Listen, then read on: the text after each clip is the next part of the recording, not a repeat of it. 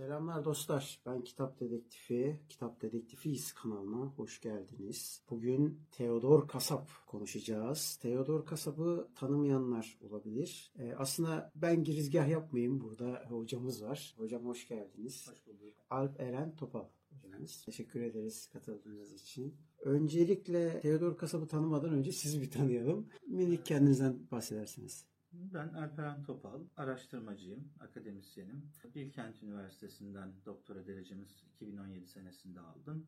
Osmanlı siyasi düşünce tarihi üstüne çalıştım. O tarihten beri de e, farklı ülkelerde e, farklı burslar ve araştırma fonlarıyla araştırmalarımı sürdürdüm. Hala daha e, özellikle 18. yüzyıl ve 19. yüzyıl Osmanlı siyasi düşüncesi ve kavramları üzerine çalışmaya devam ediyorum. Ee, Kolay gelsin öncelikle. Şimdi Theodor Kasap'ı tanımadan önce aslında ufak da bir girizgah olsun diye e, İstos yayınlarından bir kitabınız çıktı. Bir ortak üç e, yazarla birlikte. Ona da gireceğiz şimdi. Ben daha ondan önce merak ettiğim bir şey var. Theodor Kasap'ı araştırmanızın gerekçesi neydi? Bir de son olarak e, hangi kaynaklardan, hangi yöntem ile yararlandığınızı sormak istiyorum. Theodor Kasap benim için benim merak duyduğum bir figürdü. Çünkü ben e, özellikle tez araştırmam sürecinde Namık Kemal ve Ziya Paşa üzerine çok çalışmıştım ve o dönemin hatta e, Namık Kemal ve Ziya Paşa'nın Avrupa'da yayınladıkları ilk siyasi gazete Hürriyet gazetesini de yayına hazırlamıştım o sürede. E, o yüzden zaten dönemin yayın ve basın hayatına ve özellikle siyasi bağlamda çok e, ilgiliydim. Daha sonra e, Seval Şahin beraber hazırladığımız zaten Çıngıraklı Tatar kitabını. Kendisiyle bir görüştüğümüzde bu vesileyle, Hürriyet vesilesiyle o bana kendisinin zaten senelerdir öğrencileriyle dönemin gazetelerinde özellikle de Kasap'ın çıkardığı mizah ve siyasi gazeteleri okuduklarını, bunlardan hatta bir dosyalar çıktığını ama ellerinde kaldığından bahsetmişti. Oradan başladık zaten. O zaman bunları yayına hazırlayalım diye ve ilk işimiz Çıngıraklı Tatar'ı hazırlamak oldu. Ben sadece orada daha ziyade e, Seval e, hocamızın öğrencilerinin hazırladığı dosyaları tahsih ettim, toparladım. Sonra beraber notlandırdık. Kullandığımız temel kaynaklar burada tabii ki dönemin basın, e, matbu basınının e, nüshaları. Bunlar artık çok kolay erişilebilir durumda tabii ki. Atatürk kitaplığında hepsi açık erişim, e, e, Osmanlıca bilenler için erişimi açık. Ee, Bunun haricinde maalesef ama Theodor Kasap'ın hayatına dair çok az e, kaynak var. Yani unutulmuş bir insan. Biraz işte Türkçe 3-5 kaynaktan Seval hocamızın topladığı biyografi vardı. Buna ek olarak şansımıza tam bu dönem e, Amerikalı bir meslektaş arkadaşımız yine Yeni Osmanlı üzerine doktora tezini yapmıştı. Madeleine Elfenbein. Tezinin bir bölümünü de kasapa ayırmıştı ve Fransa'da ve İstanbul'da ciddi araştırmalar yapmıştı. Özellikle onun hazırladığı, e, onun yazdığı biyografi ve kasap analizi bize çok faydalı oldu. Seval hocamızın çalışmasıyla Madeleine'in çalışmasını birleştirdik. Böyle bir biyografi e, şu ana kadar yazılmış sanırım en kapsamlı Türkçe'de e, kasap biyografisini bu şekilde hazırladık. Burada işte tabii hatıratlardan faydalanıyoruz. Burada Alexander Duman'ın hatıratı var. Mithat Cemal Kuntay'ın yazdığı Namık Kemal biyografisi var. Ebu Ziya Tevfik'in o dönemin anlattığı işte Yeni Osmanlılar kitabı var. Hatıratlar tabii ki daha çok kullanılıyor. Hı hı hı. Peki karakterimizin yani Theodor Kasap'ın hayatının dönüm noktaları nelerdi desek neler diyebilirsiniz? Yani 30'ların ortasında tahmin ediyoruz. Tam doğum tarihini bilmesek de Kapadokya'da yani Kayseri'de doğuyor bir Rum aileye. Babası vefat ettikten sonra ergen yaşlarında İstanbul'a geliyor. Burada ufak bir akrabasının yanında çalışmaya başlıyor. Ama bir şekilde farklı rivayetler olsa da asıl dönüm noktası e, Fransa'ya, Paris'e Alexander Dumas'ın yanına gidişi. Duman'ın hatıratına baktığımızda şey diyor, kendisi Dumas'a bir mektup yazıyor. Kendisinden Fransızca öğrenmek için destek istediğini, işte Monte Cristo romanını okuyup çok beğendiğini söyleyip Duma da bu Rum Türk, Türk tebaasından olduğunu söyleyen Rum'u çok ilgi çekici bulup parasını veriyor, eğitim veriyor. Daha sonra kasap kaç seneliğine Türkiye'ye dönse de Fransızcayı çok iyi öğrendikten sonra bir noktada 60 gibi sanırım 1860 civarında e, tekrar kasabın e, yanına gidiyor ve 70 yılına kadar yani neredeyse 10 sene kasapla beraber çalışıyor. Kasapın hem edebi faaliyetlerinde katibi olarak ki e, Duman'ın edebi faaliyetlerinde katibi olarak çalışıyor ki Duman'ın zaten birçok katip çalıştırdığını bu şekilde biliyoruz. E, bu sırada işte yine Duman'ın kendi hevesiyle İtalyan bağımsızlık hareketine Garibaldi'ye verdiği destek sürecinde de Duman'ın yanında yer alıyor. Getir götür işleri yapıyor. Silah kaçakçılığında yardımcı oluyor vesaire. Sonra 70'te dönüyor. e, büyük dönüm noktası da burası. Kendi isteğiyle İstanbul'a dönüşü. Yani herhalde bir noktada artık e, yeter ben vatanıma döneceğim deyip geliyor. Ve gelir gelmez de İstanbul'da hemen kendi bir çevre ediniyor zaten bilinen bir insan. Özellikle yabancı hakimiyetiyle çok hemen kendine bir yer edinmekte zorlanmıyor. Ve kısa sürede hemen yayıncılık faaliyetlerine başlıyor. İşte Diyojen çıkar, Diyojen gazetesini çıkartıyor önce. Önce Rumca, sonra Türkçe olarak, sonra farklı dillerde. Üç sene sonra bu kapatıldıktan sonra birbiri ardına Çıngıraklı Tatarı, Hayali e, ve en sonunda bir ciddi siyasi gazete olarak tam e, anayasa hazırlıklarına giden süreçte 75'te İstikbal Gazetesi'ni çıkartıyor. Hatta bu süreçte mebusluk e, yapmak için kendisinin bir şey milletvekili adayı da oluyor. Seçilip seçilmediğini hatırlayamıyorum ama e, böyle bir şey de var.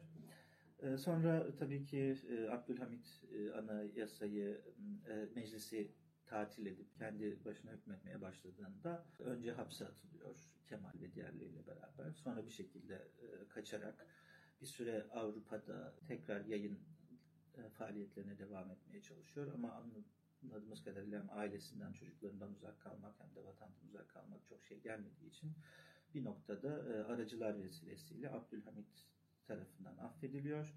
Gelip e, sarayda Abdülhamit'in kütüphanecisi olarak çalışmaya başlıyor Yıldız Sarayı'nda.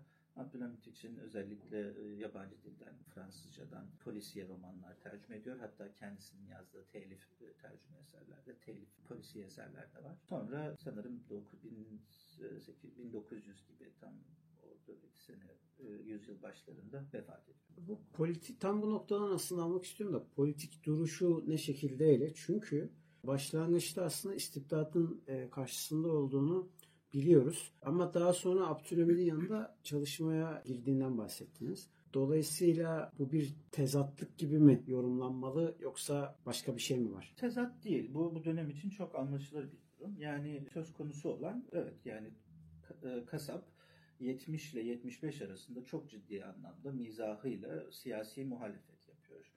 E, İstikbaldeki yazılarında özellikle kendi yaz kaleme aldığı yazılarda çok ciddi anlamda siyasi angaja olduğu, e, Osmanlılık, Osmanlıcılık davasını çok ciddi sahiplendiği, Osmanlı'yı teşkil eden unsurların işte Rum, Yahudi, Müslüman, Türk bunların hepsinin bir şekilde eşit olması ve eşit doğru şekilde temsil edilmesi davasında çok ciddi rol alıyor. Bu şeyde kendi milletinden Rumları, Ermenileri, Türkleri dahi yerine göre karşısına alıyor.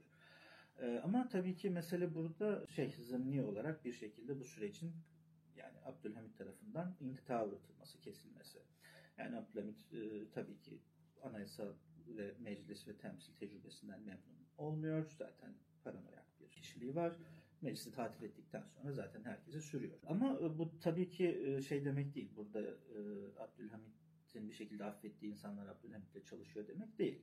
Yani bakalım işte Namık Kemal sürgünde ama bir şekilde sürgünde olduğu adalarda vali olarak çalışıyor. Aynı şekilde Ziya Paşa, Adana valisi. Yani bu Abdülhamit'in şey üslubu. Bir şekilde kendisine muhalif olan insanları yine de çok mağdur etmeden İstanbul'dan uzaklaştırıyor ama yahut işte kasapta olduğu gibi çok yakında tutuyor. Tabii burada kasapın sanırım çok da zararlı olmadığının da düşüncesi var sanırım Abdülhamit'te. Çünkü sonuçta Rum tebaasından yazar çizer bir insan. Bir de Osmanlıca aslında. Yani Osmanlıca ama Abdülhamit Osmanlıcılık konusunda yani çok net fikirleri yok. O daha ziyade e, İslamcılığı kendince şey yapacak, güçlendirmeye çalışacak. Ama e, yani şeyin e, o dönem herkesin bir şekilde Abdülhamit'in o darbesi yani açıkça darbe diyebileceğimiz iktidarı ele alışından sonra bunu kabullenmek durumunda kalıyorlar. Yani ya şeyde yurt dışında hayatınızı sürgünde geçireceksiniz yahut e, gelip bu İstanbul'da ne yapılabiliyorsa yapmaya devam edeceksiniz. Burada e, şeyde vatanını tercih ediyor. Hı hı. O yüzden bunu bir istibdadın yanında yer almak gibi görmemiz e, şey olmaz. Çok makul olmaz. Hı hı hı. Peki yasaklamaları var. Yani Abdülhamit tarafından kapatılan, mesela az önce de belirttiğiniz, hatta iki defa belirttiğiniz dergilerinin, gazetelerinin kapatılması var, yayınlarının kapatılması. O sırada mesela kitleler tarafından nasıl karşılanıyordu? Yani bir tepki oluyor muydu? Ya da e, olmuyorsa neden olmuyordu? Bil fiil gazetelerin kapatılmasına yönelik protesto faaliyetleri var mıydı bilemiyorum. Bu konuda çok e, ben kendim araştırma yapmadım. Yapılmış bir araştırma da bilmiyorum. Ama e, bu gazetelere çok ciddi teveccüh olduğunu, talep olduğunu biliyoruz. Yani e, 67, 65, 66'dan itibaren çok ciddi bir her geçen sene artan e, yayınlar ve çok geniş bir yelpazede. Bunların e, bazıları daha hükümete yakın e, yayınlar, daha çok hükümetten iltifat, taltif ve yerine göre ihsanlar alan yayınlar. Bazıları daha böyle sık sık kapatılan, sekteye uğrayan yayınlar. Ama devamlı talep olması ve satın alınması halkın bunlara çok rağbet gösterdiğini gösteriyor. Bir de bu dönemde zaten e, İstanbul'un İstanbul'da e, özellikle ama genel olarak e, imparatorluk genelinde tabii ki çok ciddi bir hoşnutsuzluk var. Bir süre gelen iktisadi problemler, borçlanmalar yani o dönem biliyorsunuz moratorium tehlikesi ki zaten bir 5-10 sene geçmeden duyunu mümiye kurulacak. Maaşlar ödenmiyor. işte e, Hersek problemi, işte Balkanlardaki ciddi sorunlar, Yerit meselesi derken yani imparatorluk tam bir kaynar kazan. Ki zaten hani o dönemde İstanbul halkındaki özellikle muhalefet potansiyeli bir sürü isyan hareketi de doğuyor. Yani o dönem yani en 7-8 tane e, 55'ten 76'ya kadar neredeyse farklı irili ufaklı isyan hareketleri var. Direkt saltanatı e, ortadan kaldırmaya yahut işte bir tür meclis şey yapmaya vesaire değiştirmeye, rejim değiştirmeye yönelik farklı farklı figürlerden. Yani o yüzden yasakların ya da gazete kapatılmalarının tabanda hoş karşılanmadığını varsayabiliriz.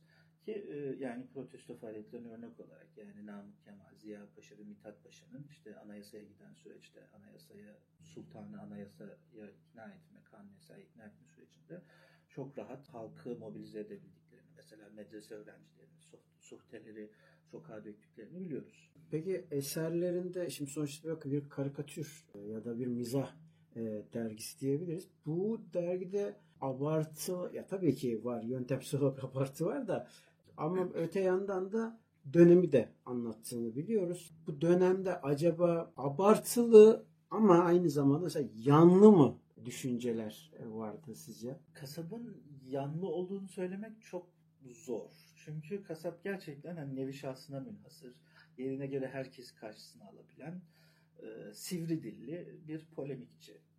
Böyle insanlar yani bilirsiniz tip olarak öyle kimsenin yanına çok şey yapmazlar. Dediğim gibi yani e, kendisi bir Ermeni Katolik olarak e, Katolik Ermenileri de Ortodoks Ermenileri de yerine göre Rumları da hicvediyor, e, işte Türkleri, şeyleri, herkesi hicvediyor. Ve her kesimden düşman kazanıyor. Tabii ki mizahın temel şeyi aslında hani belli e, kişilikleri, tipleri, meseleleri çekirdeğinden en böyle karakteristik özelliklerini alıp biraz büyüterek, mübalağayla hem e, komik hale getirmek hem de o şekilde ayna tutmaktır.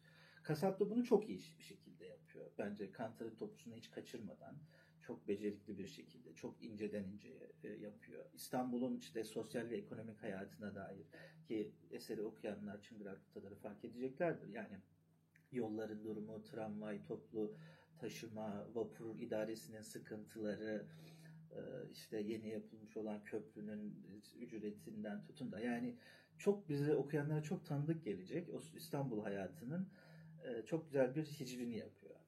Bunun ötesinde e, dönemin işte siyasi figürlerini değilse de çünkü bu basın kanunu gereğince çok yapabileceğiniz bir şey değil. Ama mesela en benim gözüme çarpan daha hükümet yanlısı yani hükümete biraz daha yakın olan gazeteci Basiretçi Ali ile defalarca mahkemelik oluyorlar mesela. Çünkü Basiretçi Ali'nin anladığımız kadarıyla e, böyle daha bir şövenist bir Müslüman milliyetçiliği yaptığını anlıyoruz. Biraz da hükümetten şey yaparak anladığımız kadarıyla. Kasap onu defalarca hicvediyor. Özellikle işini iyi yapmadığı şekliyle, yanlış sunduğu haberler vesilesiyle bazen hakarete de vardırıyor. Artık çok öfkelendiğini anladığımız yerlerde. Hakaretin onunda yer yer işte beraber mahkemelik oldukları da var ki ve bu 5-6 sene sürüyordu mesela. Hı. Onun haricinde işte dönemin mesela tiyatrocularını eleştiriyor. Batı taklidiyle bir şekilde eser koyduklarını söyleyerek onun yerine uyarlama yapılması ve yerel tiyatro geleneğinin ıslah edilip e, güncellenmesi gerektiğini, işte orta oyunu, Karagöz, Hacivat gibi modellerden çıkarak bir e, yeni tiyatro, milli yerli tiyatro oluşturması gerektiğini söylüyor. Bu yüzden işte döneminin işte tiyatro oyunlarını, sahnelenmiş eserleri yer yer çok sık hicvediyor, eleştiriyor bazen daha ciddi. Ama mübalağa ettiğini söyleyemeyeceğim. Mesela şey de vardı şimdi böyle söyleyince Pinti Hamit Evet. mesela e, yazdığı bir tiyatro vardı. Molière'in e, cimrisini uyarlamasını daha doğrusu. uyarlaması. Evet, Molière'in cimrisini uyarlıyor. Ee, o da o sonradan zaten bir şey çıkıyor. Hatta bu Çıngıraklı Tatar'da onun şeyi var. Basiretçi Ali e, işte Pinti Hamit diye bir Müslüman figür isim seçilmesinden rahatsız olmuş. Neden böyle şey yapıyor diye. Çat Kasap da ona güzel cevap, çok güzel cevap veriyor. Ama Pinti Hamit bilinen bir şey karakterdir diyor Osmanlı tarihinden.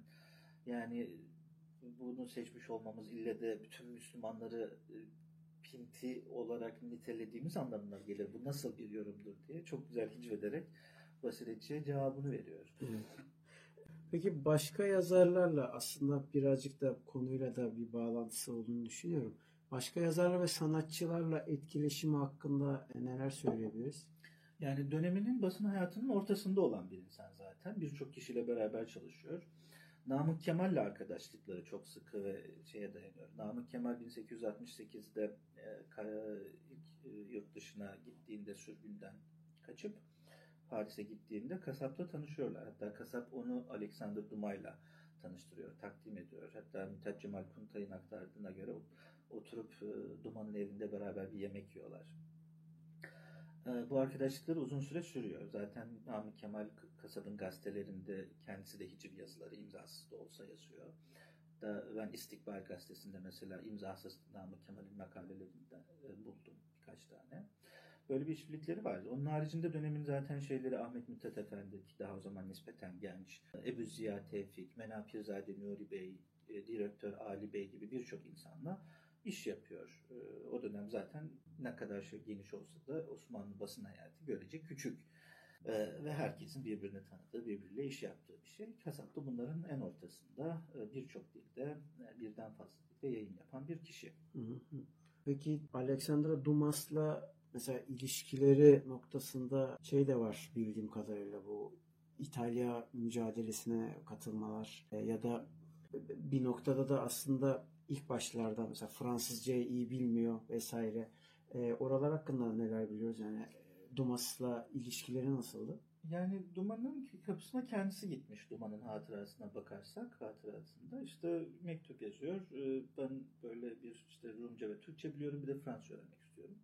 Duma onun e, maaşını veriyor. Onu bir pansiyona yerleştiriyor ve bir, bir buçuk sene içerisinde çok güzel Fransızca öğrendiğini söylüyor.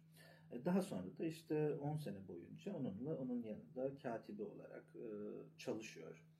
İşte ve bu süreçte her yön- konumda da yanında oluyor. İşte Garibaldi'ye şey yaparken deniz e, üzerinden silah kaçakçılığı vesaire gibi. Ama e, işin şey can sıkıcı tarafı Kasap'ın bu döneme dair neredeyse hiçbir şey yazılıp yani kendisi zaten bir hatıratı yok. Kendi kaleminden yazılmış bir şey.